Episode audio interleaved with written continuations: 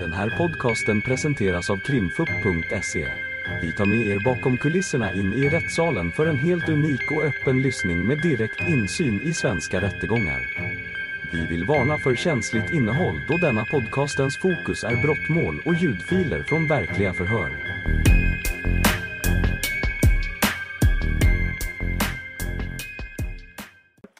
Jag ska bara först konstatera inledningsvis vad min plädering inte kommer handla om.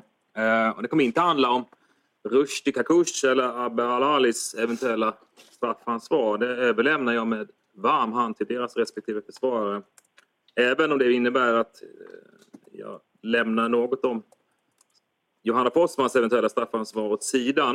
Eh, det är nämligen så, precis som andra försvarare varit inne på, att faller åtalet mot Rushdie och Abbe, då faller åtalet mot andra personer också. Särskilt gäller Johanna Forsman eftersom det anges i gärningsbeskrivningen att hennes åtgärder är åtgärder som hon har gjort för att Abbe och Rushdie ska undkomma polis. Jag har full respekt för att tingsrätten inte riktigt idag, den 6 oktober, kom ihåg vad Johanna Forsman sa i början av september i den här salen. Och jag ska inte återberätta mer än bara essensen av hennes berättelse. Eh, det gäller ju den 1 mars 2023, 22. Förlåt.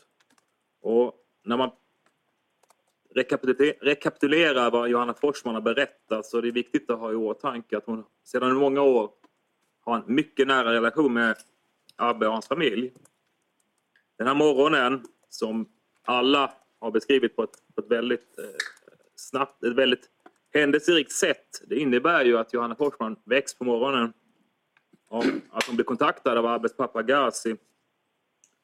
Eh, hon är hemma tillsammans med sin sambo Modi och, och de får veta då att polisen letar efter Abbe. Och att man har gjort det under natten.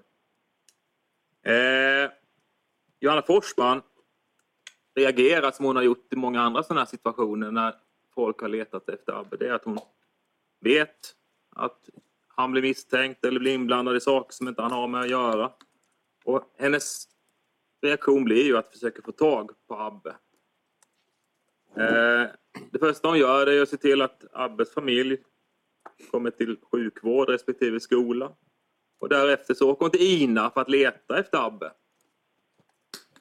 Men senare så beger hon sig av någon anledning till Hudiksvall men får inte då kontakt med Abbe.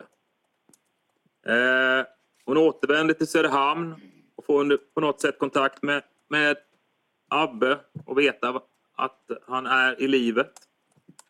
Eh, hon vet inte var han befinner sig. Men hans, de har en diskussion eh, kring vad som har hänt men också en, en uppmaning från Johanna Forsmans sida att Abbe ska åka tillbaka till Söderhamn för att ställa sig till polis som då letar efter honom. För att hon, han helt enkelt ska möta dem de anklagelser som Johanna Forsman då antar är helt oriktiga anklagelser. Eh, hon betalar, och det vidgår hon ju, hon betalar ju de facto två biljetter. Men hon vet inte, och det är grunden för hennes inställning, hon vet inte vem, vem tablett, eh, de här biljetterna avser och var de går.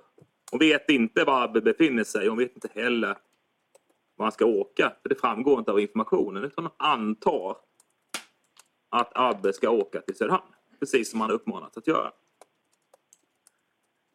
Bedömningen av Johanna Forsmans eventuella skuld är ju helt och hållet beroende på, på uppgifter från medtilltalade.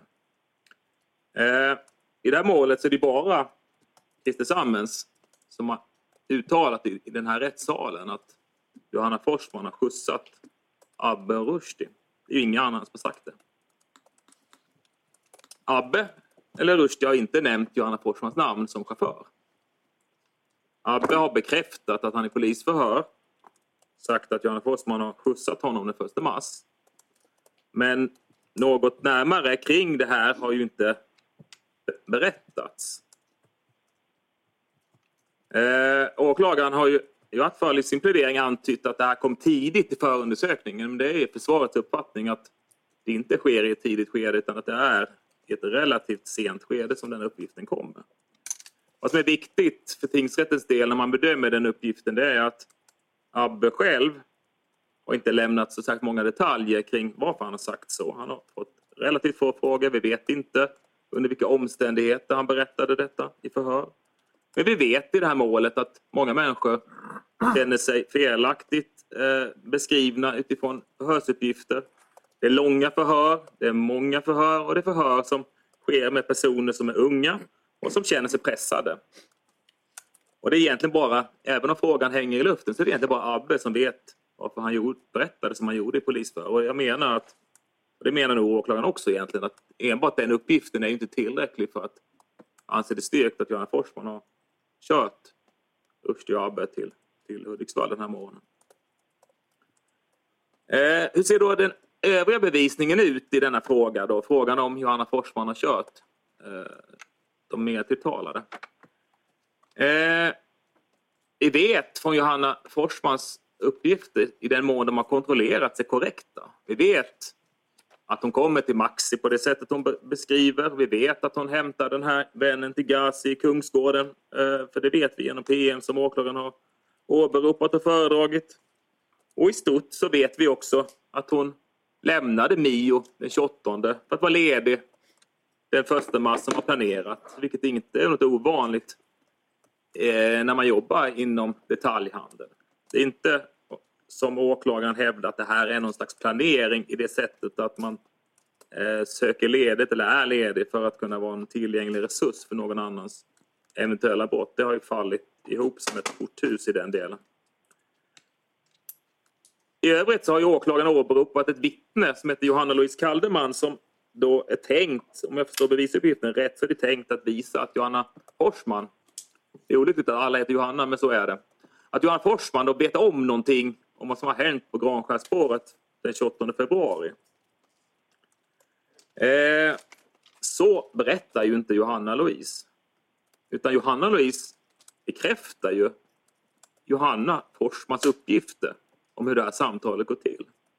Även om Johanna Louise Kaldeman har ett ganska selektivt eh, minne och har lämnat ut vissa detaljer så är det tydligt, och det är det viktiga i det här förhöret, det är ju att Johanna Louise Kaldeman är den som vet mer. Det är hon som kontaktar Johanna Forsman för att få information om var Abbe befinner sig. Eh, det är hon som har någon ingångsinformation om vad som ska ha hänt. Även om den är ganska summarisk så är det hon som har information. Johanna Forsman är avvisande, vilket rimligtvis förklaras av det faktum att hon blir kontaktad mitt i natten av en person som inte hon är särskilt pigg på att prata med och dessutom eh, inte är särskilt god vän med. Den, så att säga tanken Johanna Forsman har det är ju vad jag förstår och som är rätt tydligt av hennes uppgifter det är ju att förklara att hon, Johanna Louise Kalderman behöver inte vara orolig för Abbe. Hon förklarar också att det här med all sannolikhet inte är någonting som, som påverkar denna person på något sätt. Men det viktiga i den delen och det som jag tycker då stärker Johanna Forsmans uppgifter det är ju att de har en helt och hållet likartad beskrivning av det här samtalet. Åklagaren hävdade ju häromdagen, om jag har lyssnat rätt på, på den här ljudfilen från hans sakframställan, att det som är avgörande är rörelse och kommunikationsanalysen. Tilläggsprotokoll 1, sidan 47, om jag förstått det rätt.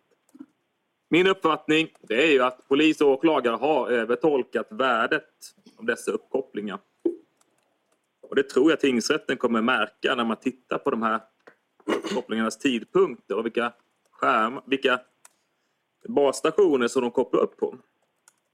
Jag kan hålla med om att eh, den sammantagna bilden ger stöd för att Abbe och Rushdie tillsammans tar sig till Hudiksvall. Men det har de ju själva berättat. Men det ger ett begränsat stöd för påståendet att de åker i samma bil som Johanna Forsman. Tittar man på de här tidpunkterna så ser man ju att 08.51 den 1 mars så kopplar Johanna Forsmans telefon upp sig i Söderhamn för sista gången den här morgonen för att sedan koppla upp sig i Hudiksvall 09.34. Rushis telefon kopplas upp 09.01, alltså 10 minuter senare, i Söderhamn basstation för sista gången och därefter flera gånger längs den tänkta färdvägen för att slutligen koppla upp 9.29 och 9.30 på två olika master i Hudiksvall. Viktigt att se och notera är ju att Johanna Forsmans telefon inte kopplar upp längs den tänkta färdvägen. Och det kan också noteras, och det är också av stor betydelse, att Rushdies och Johanna Forsmans telefoner kopplar upp mot olika master i, i Söderhamn, men även i Hudiksvall. Så omständigheten, och det tror jag är det som är grunden för Mikael Nyströms eh, summariska analys, det är att eftersom Johanna Forsmans telefoner, telefon och Rushdies telefon kopplar upp med 4-5 minuters mag mellanrum marginal så betyder det att det är en stark indikation på att det är Johanna Forsman som har skjutsat både Rushdie och Abbe. Och det är inte så vi brukar tolka den här typen av rörelse och kommunikationsanalys. Eh, en sådan analys är ju intressant på ett mindre område där man kan styra och se tendenser. Eller om man har en uppkoppling på en, på en längre sträcka. Och särskilt om det är gemensamma uppkopplingar mot samma, samma basstation vid samma tillfälle. Och så är inte underlaget i det här fallet. Eh, vad krävs det då? Jag ska säga lite grann om brottet skyddande av brottsling. Eh, åklagaren var ju inne på det själv. Att Johanna Forsman måste ha varit medveten om personens brott när hon gjorde de här, den här påstådda resan. Eh, vad man försöker straffbelägga är ju att då de tänkta brottslingarna blir svåråtkomliga för rättsskipningen. För att döma Johanna Forsman så måste man ju säga att hon vet att Rushdie och Abbe är misstänkta för mord eller mordförsök eller i vart fall ett allvarligt brott. Åklagaren har inte fått in någon bevisning varken i utredningen egentligen eller i tingsrättens rättegång som, som redovisar när det är känt att det har varit en skjutning men också att Abbe och Rushdie är de personerna som blir misstänkta. Att alla vill få tag på Abbe den här morgonen beror ju så att säga på andra saker snarare än att han är misstänkt för det här brottet. Eller att han sedermera blir misstänkt för det här brottet. Vi ser ju redan i händelserapporterna som upprättas strax före midnatt den här natten att Abbe är efterfrågad och eftersökt. Inte som misstänkt utan bara som en person som kan tänkas ha information. Det är inte Rushdie som är intressant i det läget. Och jag menar att i brist på underlag från, från eh, åklagare och polis i den delen så måste vi utgå från det som både Johanna säger och Modi säger. Det vill säga att det är först på morgonen som det blir klart att det finns information om att framförallt Abbe har eh, en misstanke om de här delaktighet i det här. Eh, jag tycker inte att Rushdie eller Abbe ska dömas för brott. Men om vi i någon mening godtar att de är gärningsmän på det sätt som åklagaren då felaktigt påstår. Och vi också hypotetiskt antar att Johanna har gjort den här resan och betalat de här biljetterna som hon har berättat om. Då måste vi också tänka på andra saker. Det här är en resa som sker inte i anslutning till brottsplatsen utan en resa drygt fem mil inom Hälsingland. Eh, att en polisutredning tar ett år att färdigställa innan ett åtal har ju en mängd förklaringar. Och det är ju utredningstekniska utmaningar kan man ju förstå men också andra färdigheter hos utredarna som ligger till grund till den förseningen. Att en person grips fyra timmar senare i Hudiksvall istället för i Ina. Det är typiskt sett ingen sak som har betydelse för polisens möjlighet att utreda eller frihetsberöva misstänkta gärningspersoner. Det är inte, åklagaren behöver inte visa att, att en åtgärd att skjutsa någon rent faktiskt har inneburit en, en, ett problem i, i utredningshänseende. Men det går inte att bortse från att en sån här åtgärd har relativt liten betydelse. Rushdie Kush, han har ingen koppling till INA.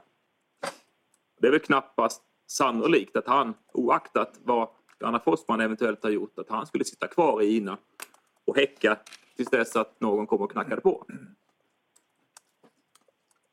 Eftersom Rushdie Kush vid gripandet strax efter lunch den 1 mars 2022 är helt okänd för polisen så är det min uppfattning att den omständigheten att de här två personerna, Abbe och Rushdie, förflyttas tillsammans snarare har underlättat rent faktiskt den polisutredningen i det inledande skedet än tvärtom. Oavsett så har det inte haft någon betydelse för hur utredningen sedan kommer genomföras. Vad gäller telefon, telefonkontakter, den här förfrågan som Johanna Forsman har godkänt så finns det ingen anledning att ifrågasätta Johanna Forsmans uppgifter om att hon får en förfrågan. Det vet ju alla som har bokat en biljett på SJ att det ser ut på det sättet. Det är ett notoriskt faktum. Du får en, mottag- eller en angiven belopp och du ser vem du ska swisha till. Något annat får du inte veta. Eh, det är väl frågan om det är ett fullbordat brott utan snarare ett försöksbrott. Det här sker ju strax innan eller strax efter klockan ett. Och personen i fråga grips ju klockan 13.10. Jag menar att betalningen sker i så tidsmässigt nära anslutning till den tänkta resan att det måste beskrivas som ett okänt försök. Under alla förhållanden så har inte det visats att Johanna Forsman har tillräckligt uppsåt för att denna åtgärd ska anses vara subjektiva omständigheter vara sådant att det ska utgöra ett brott. Eftersom hon har uppmanat Abbe att ta sig till Söderhamn och betala en resa med villkoret att han ska ta sig till Söderhamn från en okänd plats. Så sammantaget är det min uppfattning att det här åtalet ska ogillas. Och I en sån situation så finns det inte någon anledning för mig att gå in på eh, straffvärde eller rubricering. Jag kan bara konstatera att Christer Summers inte riktigt har tänkt till vad gäller sitt påföljdsförslag. Eh, det här är ju nyupptäckt brottslighet i förhållande till de domar som Johanna Forsman har och är en offensiv tolkning av straffvärdenivåer. Så mycket kan jag säga. Eh, med de synpunkterna är jag beredd att överlämna. Tack. Tack så mycket. Då... Ni har lyssnat på ett avsnitt av Krimfupps podcast. Tipsa gärna oss på krimfupp.se om det är någon speciell rättegång ni skulle vilja höra. Tack för att ni har lyssnat.